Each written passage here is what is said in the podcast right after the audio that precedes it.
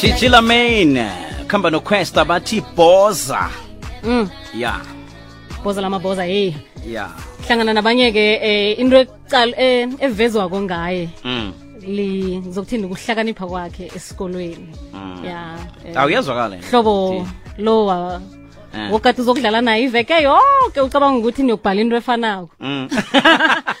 ceda la kudlule akudlule ngama-marks. kude um kaningi uyabona ke la mrepha mvumi umtloli wengoma imbongi ya eh kuningi ke nokho aphiwe khona. Khulukhulu ke likoro like manje uyabona ukuthi nangayimbongi vele akasesekude nokuthi abe mrepha. Ya kuyafana. Ya zitshidelene lezo Mm, mm. jiji Kanibonani. lotsha uhleka yiphi? Ngipho ihlekako Ngiyaniza nje nikhuluma lapha. Okay sikhuluma ngawe ngathi awukho Yikho nje hayi ngiyabonga ukuthi sininxusile kwishow ngiyabonga kakhulu. hayi nathi siyathokoza ukuthi sibe nawe namhlanje. Neke bekabhede yangasekade ne? Bowenza ngakhe nini konje? Ah ngeke sikhulume le bengenza u16. awusowuthomile ukuthi wena usafuna ukubala iminyaka yakho bowenza 16 Ngejile. yo. Konje ngowenza nini 16 le? Eh bengiyenza kuthanye day before yesterday ke kodwa ngiya- niyazi ngokuthi eh isimo lesi covid Mm. eh bekungekho nzima ukuthi celebrate kahle. Kodwa hayi ngizamile ngaba nomndeni nje nama colleagues ami sa celebrate sayidla ikheke Okay. Hayi, ngijabule kakhulu ngijabule kakhulu. Lisasele ikhekhe? Hayi likhona liningi. Okay belated happy Ngizoyithumela birthday. ngepost. Oh. yabona thani ikhekhe beliphelile bengekhe sikufisele ilanga elihle Yeah. nonyaka omuhle Yeah. osezako ngiyabonga ngiyabonga okay nasikhuluma ngojiji la main eh sikhuluma ngobani? Eh nikhuluma ngentokazi eqhamuke Soweto Johannesburg. Eh ngakhulela eJohannesburg vele. Um ya nga- ngafundela lana ngaye vesi I graduated in anthropology and media kodwa ke ngadecide ukuthi ngizoba ngumculi ngifuna ukutshintsha impilo zabantu nje ngaloko engikhuluma ngakho. Um yo sengineminyaka eminingi ngiyenza i-music vele abantu bayangazi. Um and ke ngase ngizithola sengenza izinto ezifana njengama-campaigns ukusiza abantu ne-united nations ama-global gold campaign ukusiza iy'ngane um ukusiza abantu besimame ngendaba ze-g p v nezinto ezinjalo. So uchiji lameni nje uyintokazi efuna uku- efuna ukwenza i-difference konke engikwenzayo when it comes to music yami um noma nje nje ama-campaigns mina i-goal yami um in this life i think ukuthi ngifuna ukwenza umehluko empilweni zabanye. Asikenzi iphutha ke ukuthi sikulethe ngemandela month. Yeah. eh inyanga Yeah. yabantu abafuna ukwenza umehluko vele le nyanga esikiyo. Okay yini kuhle kuhle umlayezo ufuna ukuwuletha kangaka ngama-campaign uphethwe yini ngaphakathi kangaka jiji eyi sifuna ukumehluko yazi ibuhlungu lento yokuthi uzongena ku-twitter uthola izinto ezingekho right zithenga abantu bahlukumezekile eh asibaprotect ngendlela e-right. Yabo so for mina nje ngifila ukuthi yebo kumnandi ukuhamba nje upost izinto ezimnandi bonisa abantu ukuthi nje uyaphila ujiji kodwa what is the point? Ma unamanamba amaningi ungasayenzi mehluko Mm. ngekuseni uyalala ebusuku awutshintshanga impilo yomuntu whether it's through i-music yakho noma lezi zinto ozenzayo. So for mina it's very important ukuthi sizame uku- uku- ukutshintsha isimo. Right now e-south africa nje khona izinto ey'ningi ezenzakalayo. Mm. and ngifile ukuthi abantu abasha specifically the youth need to go out sizame ukusebenzisana sitshintshe what has been going on. You know abazali bethu yes siyabathanda kodwa as young people ama-voices ethu nawo abalulekile. Let's stand up and let's try to change um ngombono wethu thina esibasha ukuthi nathi ingane zethu ziphile kahle. Kodwa nangiba ukubuza nasinto especific ekuphetheko ngalesi sikhathi eh ofuna ukuthi thana mhlawumbe abantu bangayizwa napha abalaleli bakulalele ufuna ukuthini kibo namhlanje si noma ngomvumo wakho noma nje njengoba sikhuluma nawe nje yini ekuphethe khulu ngaphakathi? Eyi indaba yabomkhulu eyi siya- siyasokola yabona i-covid isibonisile mm. imali ayikho ukuthi sisize kodwa siyajabulisa abantu. Eh si- si- siza ngama-concert yabona izinto ezinjalo. Mm. kodwa akekho ofikile wathi ufuna ukusisiza and naloyo siza abasithembise kona kwafika i-limit yakhona. So kuyikuthi nje siyazibonela siyabaculi so if you're somebody listening ngicela ukuthi nisidwele ngicela ukuthi nani noma whatever you're doing ngenhloso yenu nikusikhulumele la kumele nikhulume khona because it's very difficult for ama-musician nama-artists right now. Mm. and into ebuhlungu ukuthi mese ku-right yise kumele sijayivise abantu yise sifika isiperforma kodwa siyasogola omunye aza kufonela akutshela ukuthi hayi awukho ukudla efrijini. Um ngiwuthi-nje at least mina ngingcono ngokuthi khona izinto e- ezinye engizenzayo ngaphandle kwaloko kodwa kunabanye nje abazitshela ukuthi empilweni yami ipurpose yami ukuthi ngifuna ukujayivisa abantu. Khona manje abantu bakhona they are struggling. Akekho osilalelayo akekho osisizayo izinto ziyanyamalala kumele si- besisize ngazo. So siyacela ukuthi mawulalele nje une-voice yakho sicela ukuthi nje as the music industry nathi nisidwele eh, maybe nisibonele iplan lento le ingadlula or whatever it is but ngicela ukuthi nisupport naleyo ukuthi nihambe niyostreama niyodownload siyanicela because iyayifaka imali ebhenking asiperform asiperform and imali eningi esiyitholayo sithola ekuperformeni and aw- awekho ama-gig right now. Yeah. so siyacela nje uzwelo wenu nesupport yenu especially online. Okay. Iyezwakala-ke um asingene mhlambe-ke entweni osiphathele yona njenganje.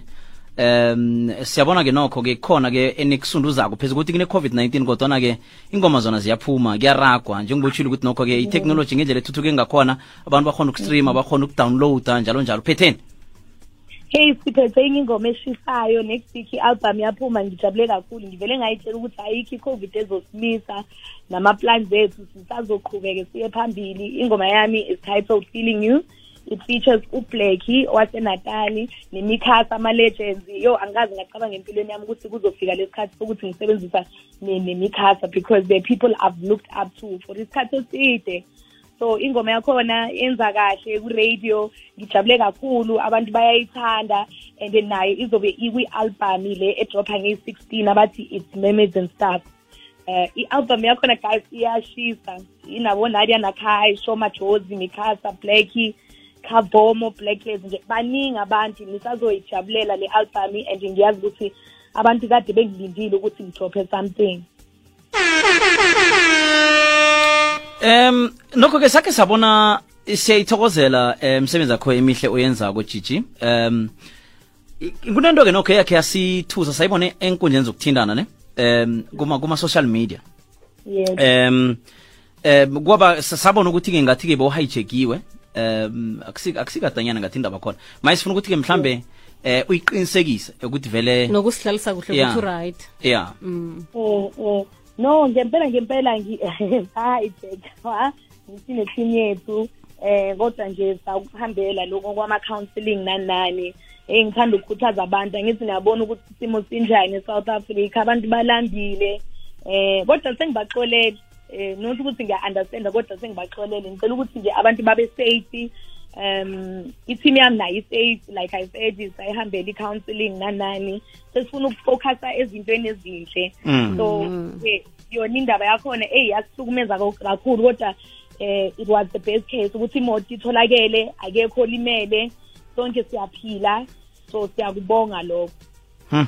ya no into ekulu vele ngi- into ekulu moya eh mphefumulo ucakathekile okay um ingoma yakho ke sifuna ukuthi ke sikuhle kuhle si siphume ngayo.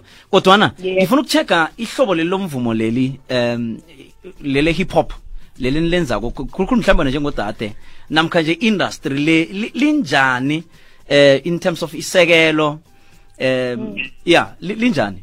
And khulukhulu beli uzakhumbula ukuthi belidominathwa ngini abakhulu R. ya Kwafika ya umuntu kwafika ngephimbo bodade ke lin- linjani? Hayi so so kuyavuleka and yikuthi asisacomplain yabona lento yokuthi hayi eh abantu besilisa yibona aba- ababusayo kakhulu kule industry. I think khona manje asisacomplain sivele sayitshela ukuthi yazi singabantu besimame nathi sizosebenza. Even if it means ukuthi sisebenze ukudlula la- laba aba- ababhuti bethu eh ukuthi abantu babone ukuthi ngempela ngempela lento esiyenzayo we deserve it nokuthi nathi sinama-voice ethu siney'tori zethu where we would like to share nabantu. So i think eh, ngiyajabula kakhulu uma ngibona aboshoma jozi nabonadia naboboys bephusha because lento le i- iqalwe yithi and bebanga abantu bebangabhelieve ukuthi ha you know they can be intombazane ezonominator for isama or izinto ezinjalo. So ngiyajabula kakhulu ngisibona siphusha futhi siyasupportana Mm. njengoba ngishilo nakwi-album kunabantu besimame ukudlula abantu besilisa ngoba bengifuna ukubonisa abantu ukuthi ngempela ngempela singakwazi ukusebenzisana senze into e- enhle. A- akusikho ukuthi all the time kumele kube umuntu wesilisa o- wesilisa osithathayo asifake engomeni eyodwa. So ngiyajabula kakhulu mese ngisibona ukuthi ngempela ngempela isikhundla lesi se-hip hop eh sesibonisa abantu ukuthi naso singathathwa abantu besimame senze into enhle ngayo. siphile ngayo mm. ukuthi siphile impilo zabantu ngayo. Yezo kala sipho sibambe njalo ke jiji nekhe siyithengise? Eh uyangizwa? Eh ngithi siba ntolo entolo ukuthatha ibreak. Sure masumi amabili namunye umzuzu ngemva kwesimbi yobumnane ekuseni namhlanje sibungele sihlanu imoya imoya khe ithu phakaphakama Yeah, cala yeah, sinabo yeah, gg lamain Yeah. estudio sikokwezi social distancing asakwazi ukuthi afike estudio. Eh, bekazokwenza into zakhe la. Adume ngazo. Adume ngazo. yazi mina nangangihlathulula phakathi kwe-trap i-rap hip hop hey yazini Ya, nami ngi- lapho ngi- ngisastakile. ngithabile namhlanje sikuthi sinomuntu ofana naye. Lapho kuye kuthiwa trap lapho kuye kuthiwa rap lapho kuye kuthiwa hip hop kwenzakalani la jiji abathi ijari yodwa kodwa kuhlukile ngokuthi isitayela sakho ufuna ukuthi expressa ngani. Eh mina ngenza konke kakhulukazi abantu bangibiza nge-lyricist eh ngokuthi ngiyayithanda i-message. Umlayezo like is very important uma wenza ingoma. Mm. so kuya ngokuthi wena uprefera ini. Uzothola abo-travis scott nabo-m t abayenza i-trap. Eh then uzothola abanye abayenza i-conscious hip hop abo-blackless bese u- uthola o-nestic abayenza nje i-hip hop e-generic.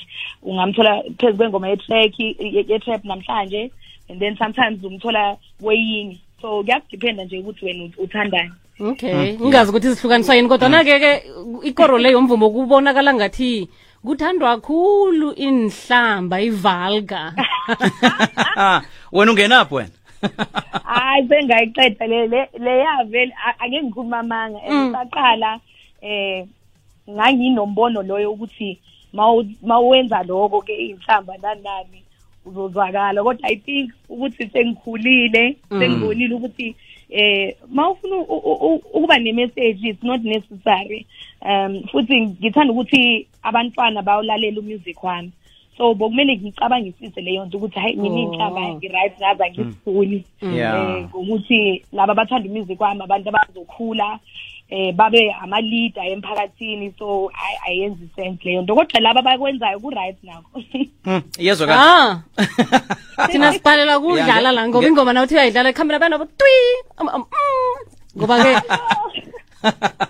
so umlayezo wakho omkhulu ngaphakathi komvumo wakho we-hip hop ngimuphi wena uletha ini politiki izindaba zemphakathini ama-social eh, ngezokuzithabisa. ills? mm unani ngifuna ukuthi abantu babekwazi ukuthi no matter i-background yakho Mm. lento ufuna ukuyenza izoyenzeka as long as usebenza uzithembile mina nje ngiyingane angikhulanga ngiyingane kazibani bani ukuthi ubabami u-important or ini ngikhulele nje kwi-township today ngikujiji lameni. Ujiji lameni ngokuthi ngisebenze kabuhlungu eh nafu- nakho futhi ngiyazithoba ebantwini because i know ukuthi at the end of the day i'm nobody ngaphandle kwena mina impilo yami inhloso yami la kwi-entertainment industry ukubonisa abantu ukuthi no matter where you are from you can make it.